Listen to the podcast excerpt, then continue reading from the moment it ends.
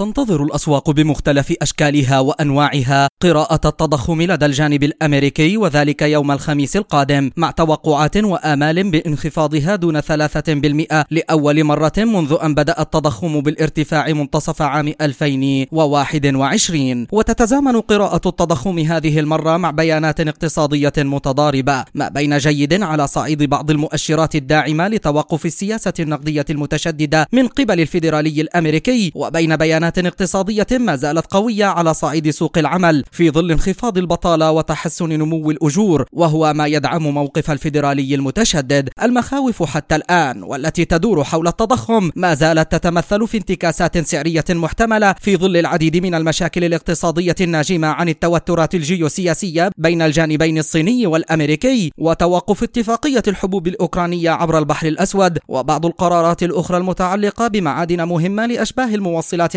العالمية وتحديدا الجرمانيوم والغاليوم من قبل الجانب الصيني. إضافة إلى ما تحدثت عنه منظمة الأغذية العالمية الفاو عن ارتفاع الرقم القياسي للقمح لأعلى مستوياته منذ عام ونصف تقريبا. وهنا فإما أن ينخفض التضخم بشكل أفضل من التوقعات التي لم تصدر حتى الوقت الراهن أو أن ينتكس ليسجل ثباتا أو ارتفاعا طفيفا من شأنه أن ينعكس سلبا على أسواق المال وإيجابا على أسواق النقد وتحديدا الدولار الأمريكي. وهذا كله سيجعل من قراءة التضخم الحالية واحدة من أخطر وأهم قراءات التضخم. منذ أن بدأ بالارتفاع بشكل كبير منتصف عام 2021 وهو ما قاد إلى أسرع وتيرة من رفع للفوائد منذ أربعين عاما. مجد النوري لشبكة أجيال الإذاعية.